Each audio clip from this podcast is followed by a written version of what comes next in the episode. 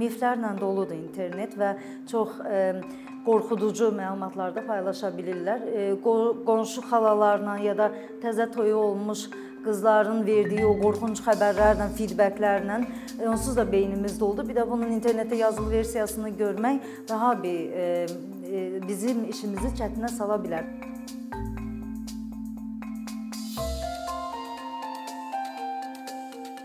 Azərbaycanda və demək olar ki, qonşu ölkələrin əksəriyyətində seks terapist olaraq məzun olan, sertifikatlara sahib olan nəinki qadın, kişi ümumiyyətlə mütəxəssis yoxdur.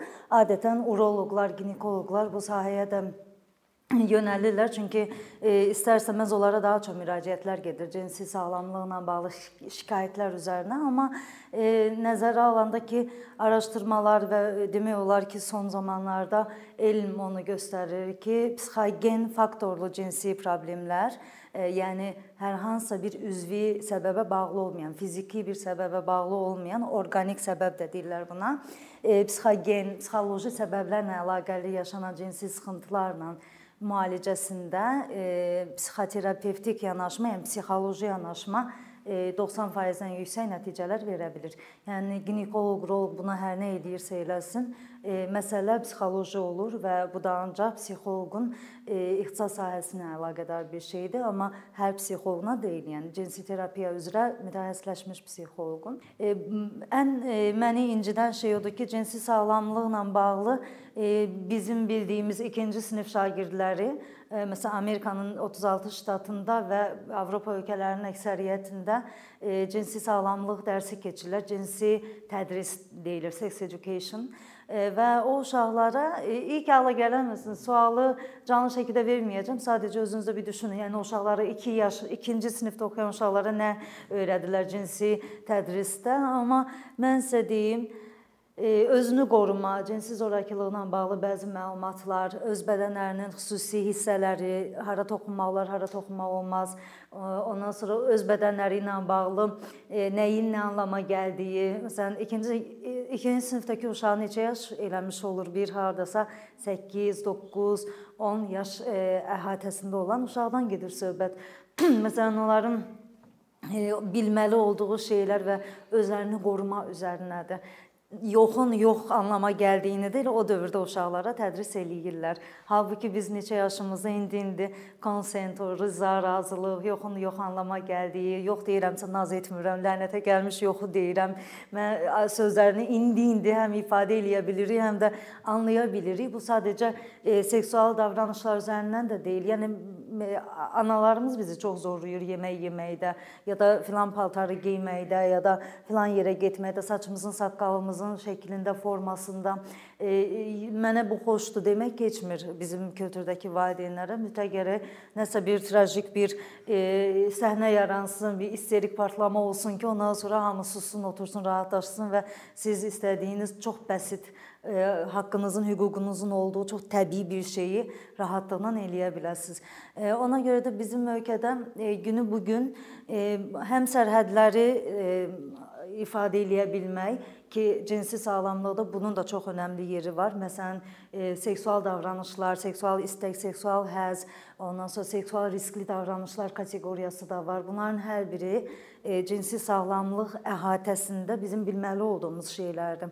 Amma biz nə qədərini bilirik? Çox cüzi. İndividual olaraq öz çabamızla bəzən də başımız daşa dəyə-dəyə öyrənmiş oluruq bu şeyləri. Eyni zamanda tibbi olan şeyləri də çox təəssüf ki, çətinliklə əldə eləyirik. E, xarici ölkələrin bəzilərində, məsələn İngiltərənin özündə hətta e, bu e, HPV vaksini cinsi yolla yoluxan xəstəliklərlə bağlı olan e, pulsuz paylanılır. Hətta e, smear testi eləmək üçün sadəcə e, qeydiyyatda olduğunuz klinikaya yazıb oradan evə kit göndərirlər. Onun özünüz özünüzdən smear test ala bilirsiniz yoxlamaq üçün ki, e, hər hansısa bir yoluxma olub sizə yoxsa yox cinsi yolla.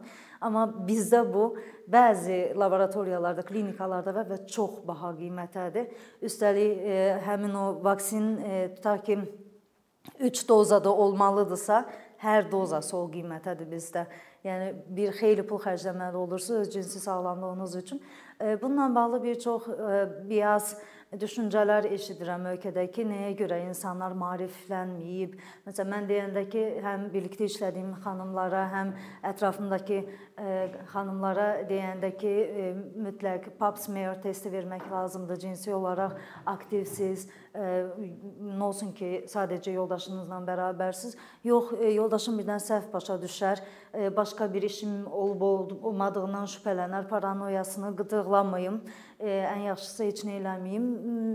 Təəccüblənirəm, deyirəm bəs xərçəng xəstəliyi, servikal xərçəng xəstəliyi qadınlarda uşaq vaxtı bunu bu formada eşidib filan kəsin uşaqlığını götürdülər. Eşitmisiniz bu cümləni? Mən uşaqlığımla bağlı bir qadınlıq, qadın bədəni ilə əlaqədar ilkin travmalarım deyə biləcəyim şeylərdən biri budur.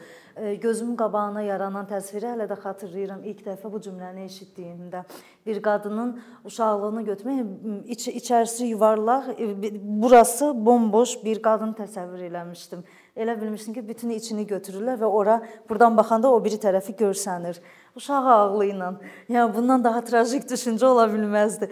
Amma e, illər sonra üstəlik bu cinsi sağlamlıqla bağlı Hollandiyada ilk təhsilimi almağa başlayanda 2011-2014 arası e, bu məlumatları əldə edəndən sonra gördüm ki, cinsi yolla yoluxma səbəbi ilə qadınların servikal xərçəngə məruz qaldığı və uşaqlıq yollarının götürüldüyü əməliyyatlar çoxdur. Azərbaycanda bunun faizini əlbəttə ki, bilmirik. Statistika Azərbaycanda ümumiyyətlə heç bir şey haqqında bilmirik. Dolayısıyla bu mövzuda nə qədər ətrafımızdakı insanları maarifləndirsə bir o qədər yaxşıdır. Kişilərə qalanda tək kişilərə yox, ümumiyyətlə, yəni birdən ərim nə deyər? nə başa düşər mən e, deyəndə ki, ginekoloqa niyə getmişəm ki, bəzi şeylər ümumiyyətlə çox e, private olsa yaxşıdır. Yəni e, həkimə getmək, bir psixoloqla nə danışdığınız, rəfiqənizlə oturub saatlarla nə haqqında danışdınız, bunu partnerinizə demək məcburiyyətinə qalmaq biraz power control-lu xatırladır adətən mənə. Bir manipulyativ bir şey var kimi bir zil çalmağa başlayır o moment. Yəni bunlar çox şəxsi şeylərdir. Birinə hesabat verməli deyilsiniz ən təbii haqqınız olan bir şeyi eləyərkən. Ginekoloji müayinədən keçmək də, uroloji müayinədən keçmək də ən təbii haqqınızdır. 6 aydan bir ildə bir dəfə büdcənizə görə e, mütləq gedəsiz, gərək yoxlanasınız. Cinsi aktiv olsaz da, olmasaz da. Azərbaycanda belə bir şey var ki, qız uşaqlarını e, mütləq e, ərə getmək ərəfəsində ginekoloqa aparırlar ki, hər şeyin okey olub olmadığını yoxlasınlar. Amma e, baxdığımızda e, aybaşı olmamışdan qabaqdan da ginekoloji müayinədən keçmiş olmaq lazımdır. Çünki bütün qız uşaqları aybaşı olmurlar. O qədər ginekoloji problemlər var ki, bütün qadınlar bərabərdə aybaşı olurlar. Belə bir düstur yoxdur bütün qadınlara şamil eləyə biləcəyimiz reproduktiv sistem yoxdur. Hər kəsin reproduktiv sistemi özünə məxsusdur. Hər kəsdə fərdidir hər qadın uşaq doğacaq deyə bir şey yoxdur. Bu istək xaricində deyirəm sizə, ginekoloji, reproduktiv sistemlə bağlı deyirəm. Yəni istək məsələsinə hələ gəlməmişəm. Sosial mövzulara giririk. Biz bu gün sizlə daha çox seksuallıq və reproduktiv sağlamlıq üzərindən davam eləyəcəyik. Bu cinsi sağlamlıqla bağlı müəyyən yaş dövrünə qədər e, oradan-burdan e, necə deyirlər ki, Allah nə verdiysə e, məlumatlar toplayaraq böyüyürük və əksəriyyətən də biraz problematik məlumatlar olur və onların düz olub-olmadığını araşdırmaq üçün də bir xeyli zaman xərcləmiş oluruq. Uşaqların xüsusilə məsələn belə bir tədqiqatlar var ki, uşaq sual verməyə başlayanda onunla danışmaq lazımdır bu barədə. Mən necə dünyaya gəlmişəmdən tutun işte orqanım niyə belədir, niyə bacımın iki qardaşımınki kimi deyil və s. kimi suallar gəlməyə başladığında danışmaq lazımdır. Daha sonra masturbasiya dönəmi olacaq uşağın, o dövrdə danışmaq lazımdır. Bunlar gözləmək lazım deyil ki, uşaq puberti yeniyetməli yaşına çatdığında bu barədə bir məlumat şeyinə məruz buraxaq lazımdır ki, uşaq nə qədər balacadırsa, bala-bala bununla bağlı məlumata verilsin. Amma biz ondan çox uzaqdayıq, düzdür? Böyümüşük artıq, müəyyən yaşa gəlib çatmışıq. İndi belə nə edə bilərik?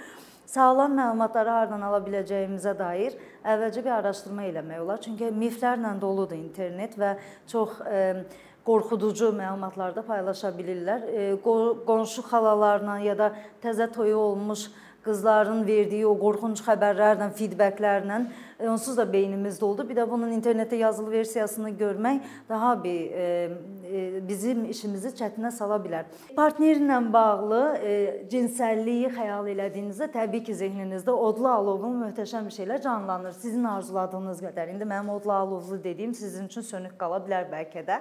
Yaxşı ki, detallı danışmırıq bunları bu dəqiqə. Not today.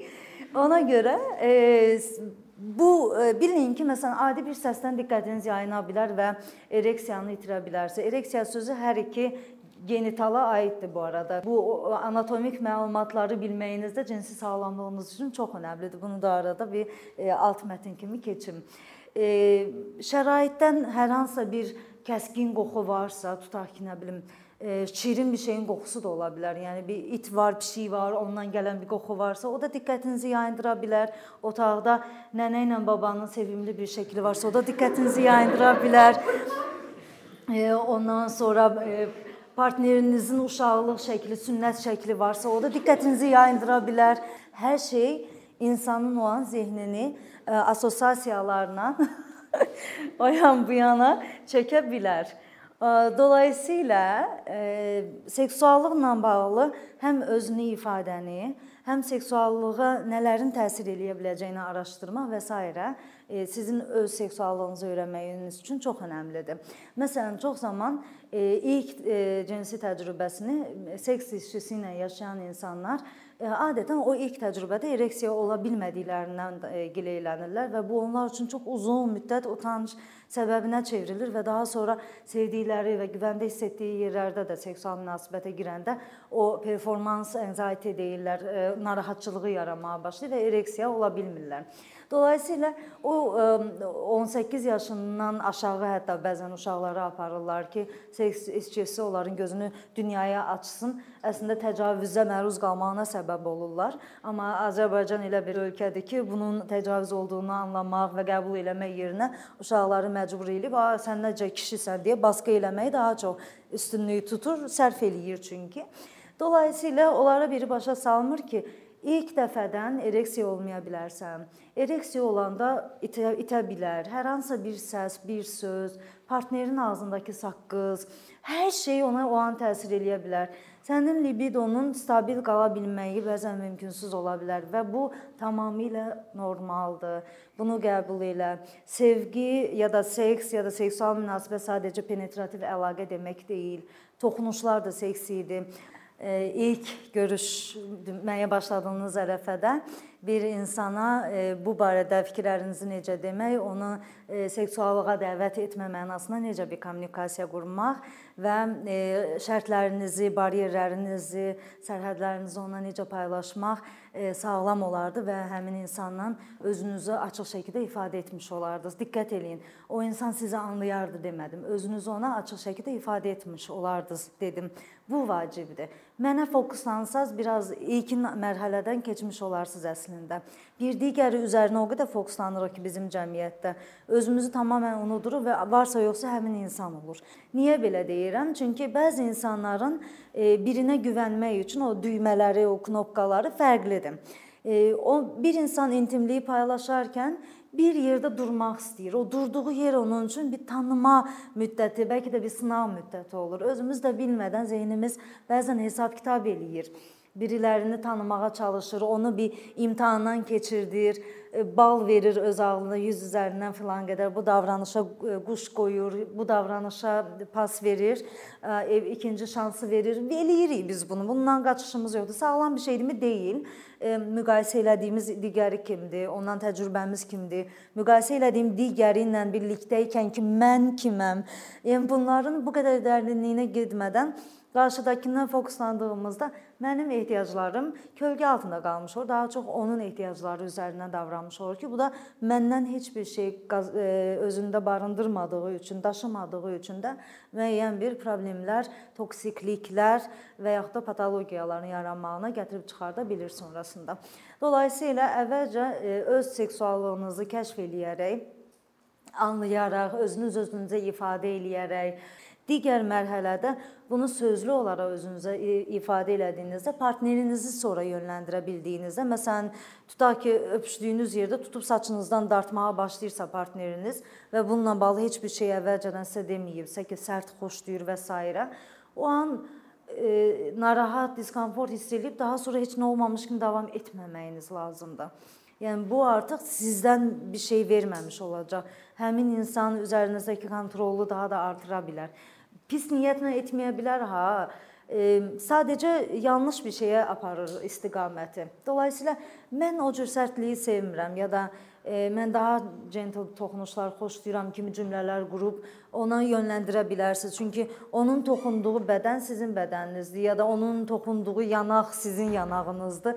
Necə toxunulduğunu ifadə edən şəxs də siz olasınız gərək. Bunu sizdən başqası ölçüb biçə bilməz dolayısıyla. E, bu mərhələləri keçdikdən sonra e, həmin insanın seksuallıqla bağlı siz paylaşım eləyərkən bəzən utandığı üçün müəyyən belə awkward reaksiyaları ola bilər. Gülməyə başlaya bilər, lağlağıya qoya bilər, qəribə bir zarafat eləyə bilər ki, ətiniz tökülə bilər. O moment e, ürəyinizdə tez beyin oxumağa girmək yerinə ki, bu mənə ələ salır, bu məni dəyərsiz hiss elədir filan. Belə bir şey eləyə bilərsiniz səsli şəkildə. Bu sənlə seksuallığını sənə ifadə elədiyimdə elədiyin zarafatlar özümü biraz dəyərsiz hiss elətdirir. Mən dili, I statement gedir bunun adı. Araşdırdığınızda çoxlu materiallar tapacaqsınız. Mən dili ilə danışmaq.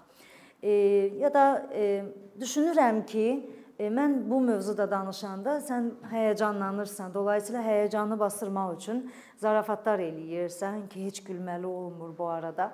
E, mənlə paylaşmaq istəyirsənmi nə baş verir orada? Görsəz ki, yox, çox kobud, e, çox belə barbarca davranmağa davam eləyir. Okay, red flag, qırmızı bayraq olduğunu anlayın və müəyyən qədər o münasibəti necə idarə edəcəyinizi, istiqamət alacağınızı sorğulaya bilərsiniz orada. Qırmızı bayraqlar əsasən sərhədlərlə bağlıdır. Bədəninizlə, kimliyinizlə, sizə aid olanla qarşıdakı istər seksual yolla, istər hər hansı manipulyativ bir şəkildə zarafatlaşır ya da şərhlər verirsə, sizin izniniz olmadan, sizin istəyiniz olmadan, soruşmadığınız halda Bunlar da əsas qırmızı bayraqlardan biridir. Əgər partnerinizlə seksuallıqla bağlı bir şey paylaşmaq istədiyinizdə bu kimi şeylər görsəz və hiss narahat hiss etdiyinizi görsəz, ya bunu sözə tökün, amma görsəz ki, yox, sözə tökəcək qədər də secure, güvəndə hiss eləmirsiniz, o zaman demək ki, e, tamamilə oradan uzaqlaşmağınız daha yaxşı olar.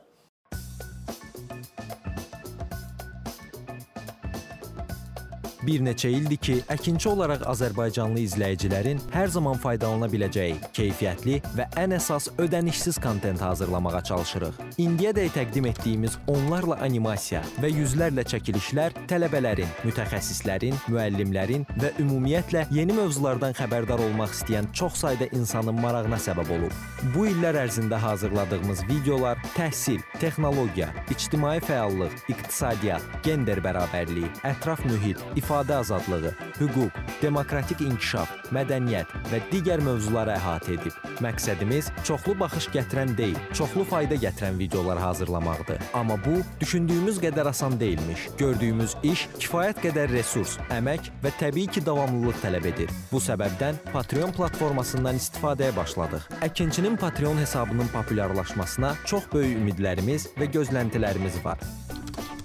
Bəziləriniz Patreon haqqında ilk dəfə eşidirsiniz. Əslində çox sadə izahı olan bir platformadır. Təsəvvür edin ki, siz rəssam və ya musiqiçisiz. Sosial şəbəkələrdə sizi izləyən, işinizi bəyənən çox sayda insan var. Patreon platforması sizə imkan verir ki, izləyicilərinizin könüllü aylıq ödənişləri sayəsində işinizi davam etdirəsiz. Sərgi, konsert zallarından asılı qalmayasınız. Amma bu təkcə rəssam və musiqiçilərə aid deyil. Məsələn, əkinçiyə bənzər fəaliyyətlə məşğul olan bəzi layihələrin 10 minlərlə yüzlərlə patronu var. Biz də düşündük ki, nə üçün əkinçinin Patreon hesabı olmasın? Sizin dəstəyiniz sayəsində biz daha çox və daha keyfiyyətli kontent yaratmağa davam edə biləcəyik. Amma bu dəstək yalnız maddi dəstək deyil. Dəstəkçilərimizin sayının artması gördüyümüz işlərin faydalı olduğuna dair əminlik verir.